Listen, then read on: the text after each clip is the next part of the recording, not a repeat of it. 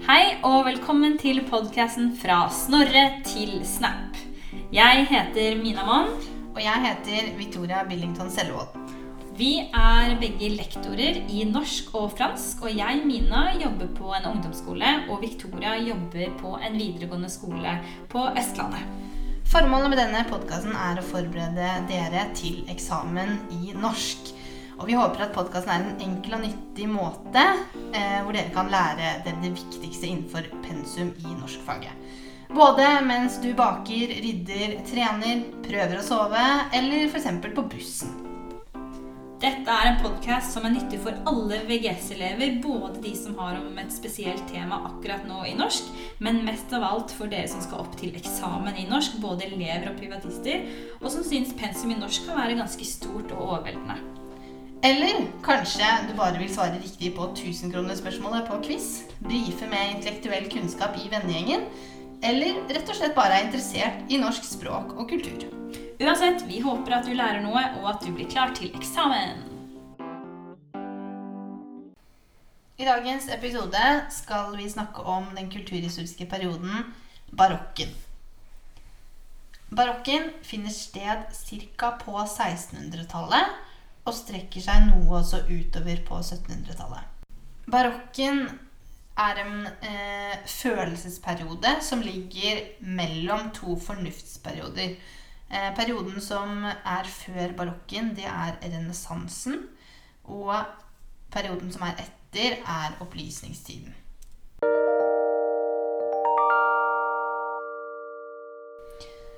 Så Mina, hvordan var samfunnet i barokken. På 1600-tallet så var det generelt en hard tid for menneskene i Europa.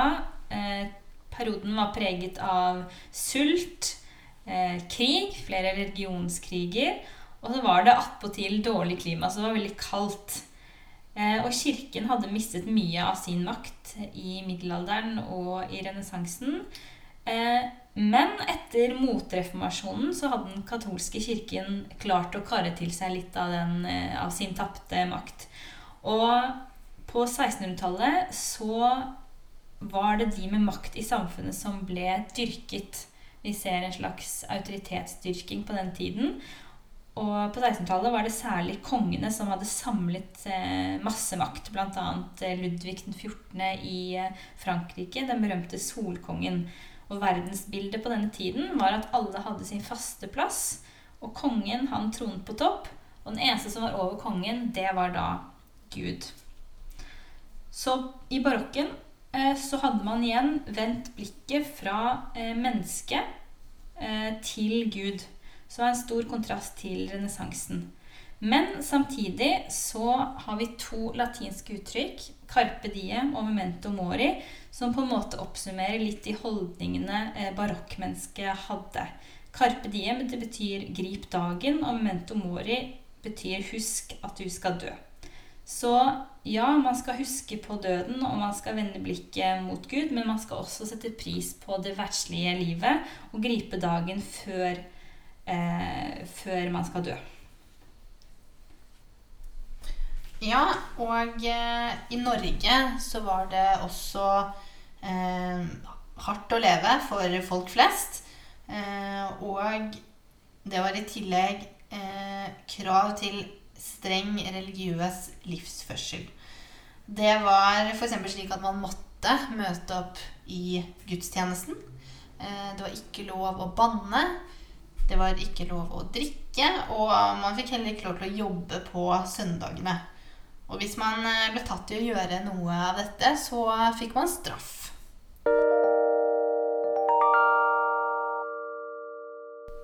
Da er det tid for å snakke litt om kjennetegn i kunst og litteratur i denne perioden. Og For det første så ser vi kanskje de eh, begynnende tegnene på barokken i Roma på slutten av 1500-tallet. Kommer noe senere til Norge, som vanlig. Det som var typisk i barokken, var at kirken brukte denne stilarten til å gi uttrykk for sin makt. Og det ser vi kanskje særlig i Peterskirken i Roma, som er kjent for å være veldig storslagen. I denne perioden eh, så ble det skrevet hyllingsdikt. Det ble skrevet topografiske dikt, men det ble spesielt skrevet religiøse tekster. Og da eh, var det bl.a. mange salmer og diktning som var knyttet til kirken. Når det gjelder kunsten generelt, så var den veldig prangende. Den var pompøs, den var overdådig, full av detaljer, utsmykninger. Det var ikke minst preget av kontraster. Og så, som i middelalderen, så var det de religiøse motivene som dominerte. Og hva slags kjennetegn har vi i litteraturen? Jo, eh, litteraturen blir kjennetegnet av et rikt billedspråk, mange sterke metaforer. Her også blir det eh, brukt pompøse uttrykk. Det var veldig mye dramatikk. Eh, sterke motsetninger og kontraster igjen. Det var gjentagelser, overdrivelser. Det var ikke uvanlig å bruke utrop for å vise sterke følelser. Eh, og vanlige motiver og temaer var eh, døden og det kroppslige. Og så ser vi denne dualismen mellom eh, det menneskelige og det guddommelige. Eh, samtidig som han så mot Gud og det hinsidige, så han også også opptatt av, av det um, jordiske livet. Så vi ser tydelig at eh, barokken skiller seg fra renessansen på flere måter. I renessansen var man spesielt opptatt av harmoni, symmetri balanse og strenge prinsipper, men barokken sprengte alt det her. Nå skulle det være dramatisk, det skulle være prangende, svulstig, overdrevet. Og kunsten skulle preges av utsmykninger og detaljer. Når det gjelder diktekunst eh, i barokken i Norge, så har vi mye mer skjønnlitteratur fra barokken enn vi har fra renessansen. Som dere husker, så er ikke den offisielle litteraturen i Norge noe særlig å skryte av fra renessansen.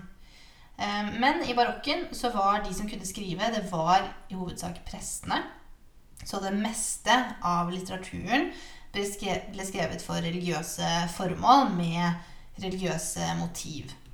I tillegg så var retorikken i disse tekstene viktige fordi man skulle overbevise om eh, innholdet i tekstene og prøve å påvirke eh, folk til å leve et religiøst eh, liv.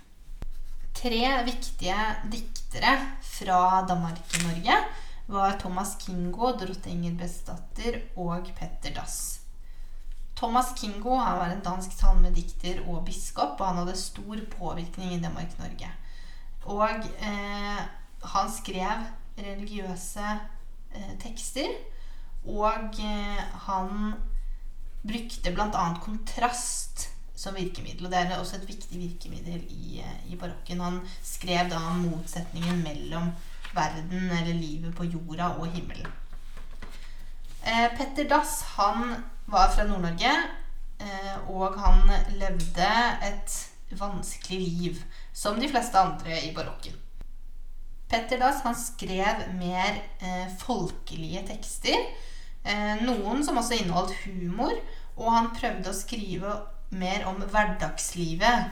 Og eh, ja, han, eh, han var mer opptatt av en jordnær barokk. han også brukte overdrivelser og kontraster i sine tekster. Og en av de tekstene som vi har valgt å ta for oss, det er hans tekst 'Du skal ikke bedrive hor'. Eh, det er en sang fra Katekismesanger som, som var en, en, samling som skulle fungere som folkeopplysning. Og som nevnt så skrev han da hverdagslig, og det skulle være forståelig. Og motivet i denne teksten, det er jo da det sjette bud, som eh, som i dag i den norske bibelen er 'du skal ikke bryte ekteskapet'. Eh, I teksten så henvender stemmen seg til en kåt dreng som eh, han anbefaler at ikke skal renne til horens hus og seng. I tillegg så henvender han seg til lille pike, som eh, han mener at ikke må eh, gi den gaven hun har fått av Gud i form av hennes jomfrudom, til eh, noen. Og temaene i denne teksten er eh, utroskap, gudskrenkelse, skam eh, og egentlig seksualitet. Og eh, denne teksten er skrevet i fast form. Og det er like mange verselinjer i hver strofe. Det er åtte verselinjer i hver strofe. Det er brukt rim, enderim, i form av kryssrim, med rimmønsteret AB, AB. Um, og uh, dette er jo da Den er skrevet på denne måten fordi den skal være lett å framføre, og for at man skal huske budskapet. Det var jo fortsatt ikke så mange uh, av folk flest som kunne lese. Så fins det noen eh, virkemidler som er brukt i denne teksten. Blant annet så er det brukt en metafor der det står at eh, som mann så skal du ikke smitte ekte seng. Det betyr da at du ikke skal ligge med en annens kone. I tillegg så er denne, disse mennene kalt for jomfrukrenker. Og de skal ikke ta eh, den forbudne frukt. Det vil da si at de ikke skal ligge med jomfruer. Hvis de da selv er gift. Eller ikke gift, for den saks skyld. Um, I tillegg så er det brukt noen spørsmål. Han spør da denne kåte drengen uh, Han sier da at han da som sagt ikke skal befinne seg i horens hus og seng. Og så spør han hva har du der å gjøre. Er det din rette vei? Så dette er jo da spørsmål som folk skulle stille seg selv hvis de blir da ledet inn i denne fristelsen. Eh, og fristelse er et annet eh, eh, Ikke kanskje virkemiddel, men er noe annet som blir beskrevet i teksten. Blant annet så sier stemmen Se, se, der går en pike med dobbel deilighet. Um, og dette er da i, uh, i talen til den lille piken hvor han da sier at hvis du beholder jomfrudommen din, så vil alle se på deg som en dobbel deilighet. Eh, I tillegg så bruker han jo da trussel som et virkemiddel. Eh, hvor eh, det står Men hvor Guds tempel krenker, den straffer Gud især. Så det vil si at eh, hvis du, hvis du krenker Gud og eh, bedriver hor, så eh, kommer du til å få en straff fra Gud.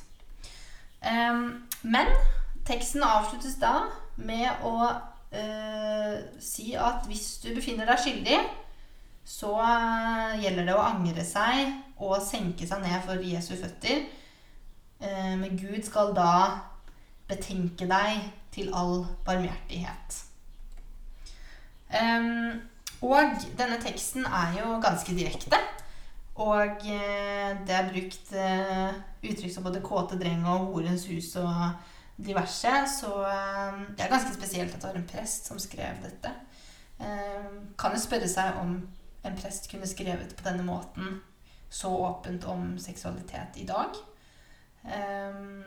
Også litt om dette sexforbudet. Det er jo ikke sånn at det er en lov på samme måte som sier at man ikke kan bedrive utroskap. Eh, men det er jo sett på i samfunnet som, som en uting. Selvfølgelig. Eh, men spørsmålet er jo om det er like strengt i samfunnet vårt i dag.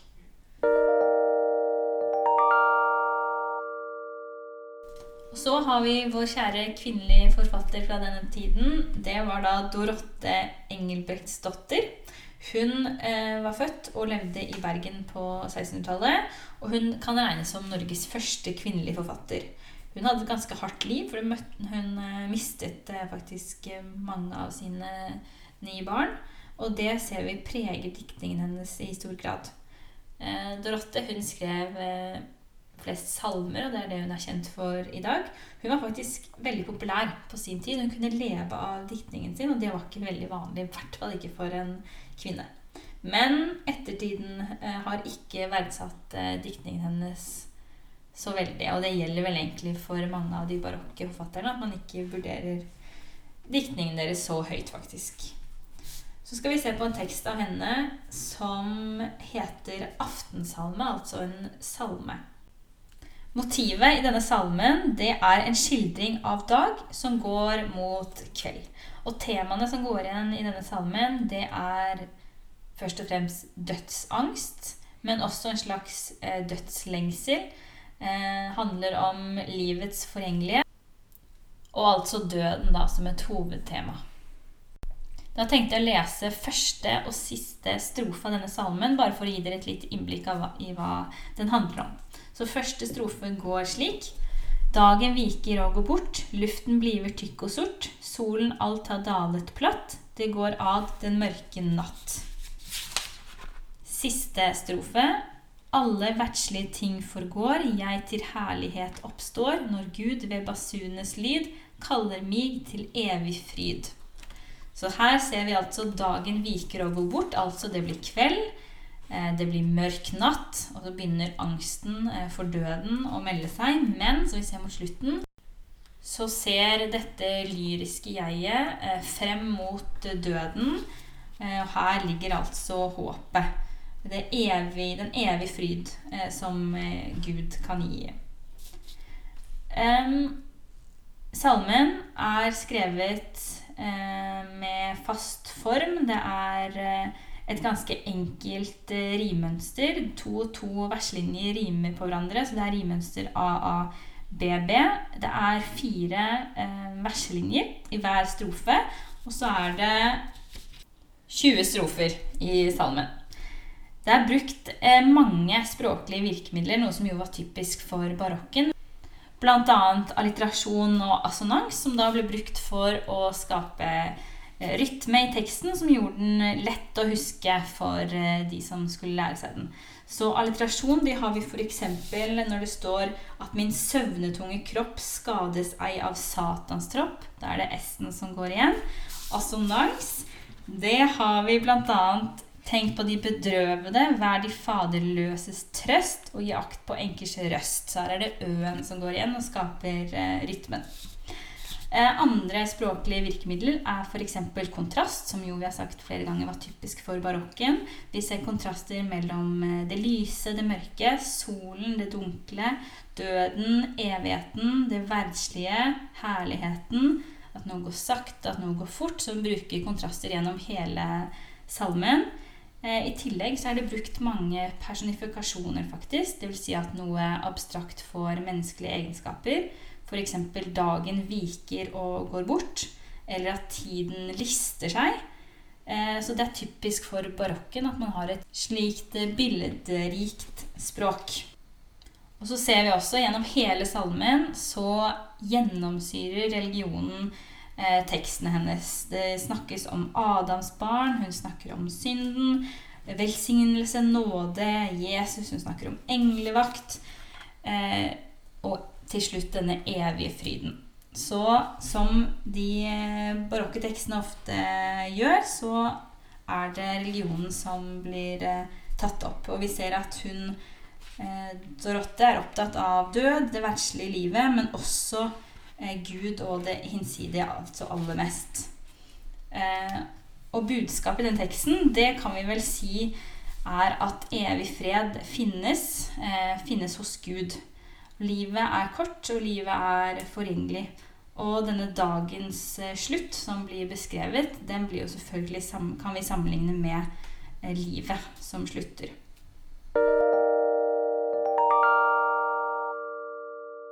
Ja, da til slutt eh, skal vi trekke noen paralleller fra barokken og til i dag. Og jeg tenker at tanker og verdier i barokken er kanskje ikke så viktig for oss i dag. Og også tekstene derfra blir kanskje ikke brukt i så stort omfang eh, i vårt samfunn. Eh, jeg tenker jo at kongen Kan man si det i en podkast? At kongen har lite makt? Eller får jeg straff da? Nei, det går fint. Okay. Det går bra. ja, jeg tenker at kanskje kongen og Kongen står ikke så sterkt. Og eh, Guds eh, makt er i hvert fall ikke så tydelig i samfunnet. Eh, det er jo vi har jo fortsatt mange i Norge som er kristne, men eh, det vises kanskje ikke så um, godt i ja, folks hverdag. Um, I tillegg så har vi jo, hvis vi skal se litt på den teksten til Petter Dass, som du skal ikke bedrive hor, og særlig kanskje dette med at uh, sex før ekteskapet var veldig tabu, så vil jeg jo si at det ikke er sånn lenger. Uh, her, vi ser jo til og med eh, ungdommer eh, som ikke er gift, eh, har sex på TV. På Ex on the Beach eller Paradise Hotel og lignende. Så jeg vil jo si at, eh, at eh, ja, det sjette budet der er kanskje ikke helt Man følger det kanskje ikke helt på, i, samme, i like stor grad da, i samfunnet vårt i dag. Ja, hva tenker du, Mina? Om barokken opp til i dag? Ja, Det har jo skjedd veldig mye på de mange hundre årene eh, siden eh, barokken var. Og det hadde jo vært eh, ganske imponerende hvis samfunnet så likt ut.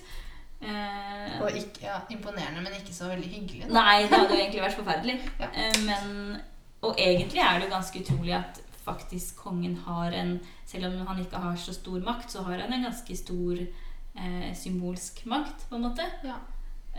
Og vi hadde jo en statskirke helt inntil nylig, faktisk. Men ja, mye har forandret seg. Men hvis vi ser litt stort på det, så kan vi jo finne igjen eh, noe av de barokke trekkene. Det fins jo fortsatt eh, mye prangende, pompøs kunst, f.eks. Eh, det kan være svulstige, overdrevne utsmykninger og detaljer som faller i smak hos mange. Så vi kan jo ikke si at alt det barokke er borte. Vi bruker jo fortsatt eh, ordet barokk i dagligtalen vår for eksempel, og sier at det var veldig barokk eller, eh, eller lignende. ja. Jeg syns jo egentlig også at Jeg syns jo det hadde egentlig vært bedre hvis man bygde bygninger sånn som de gjorde da. Sånn som På Versailles. 1600-tallet. Ja. Ja, det hadde vært Det fantastisk. hadde vært fint. Hvis alle skoler eksempel ble bygd eh, som Versailles. Og så må vi faktisk ikke glemme at operaen var en sjanger som ble oppfunnet under barokken. Er en veldig typisk barokk sjanger. Veldig svulstig og voldsom og dramatisk. Så der har vi barokken å takke.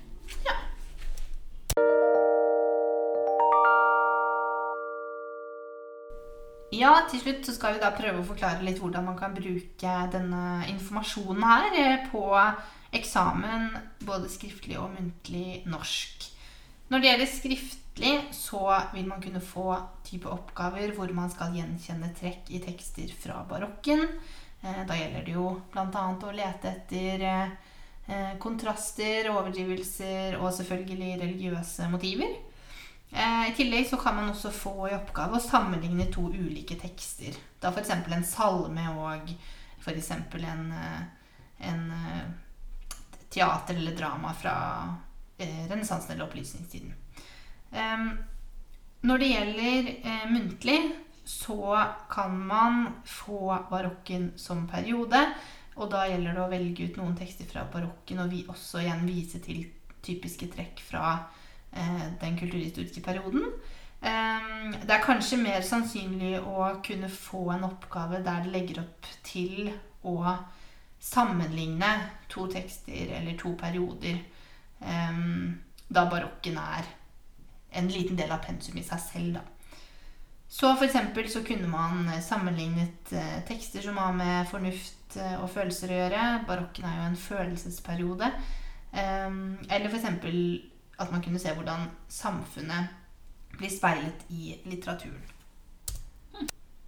Da var denne episoden nesten over for denne gang. Og neste episode så skal vi ta opp opplysningstiden, som da kom etter barokken.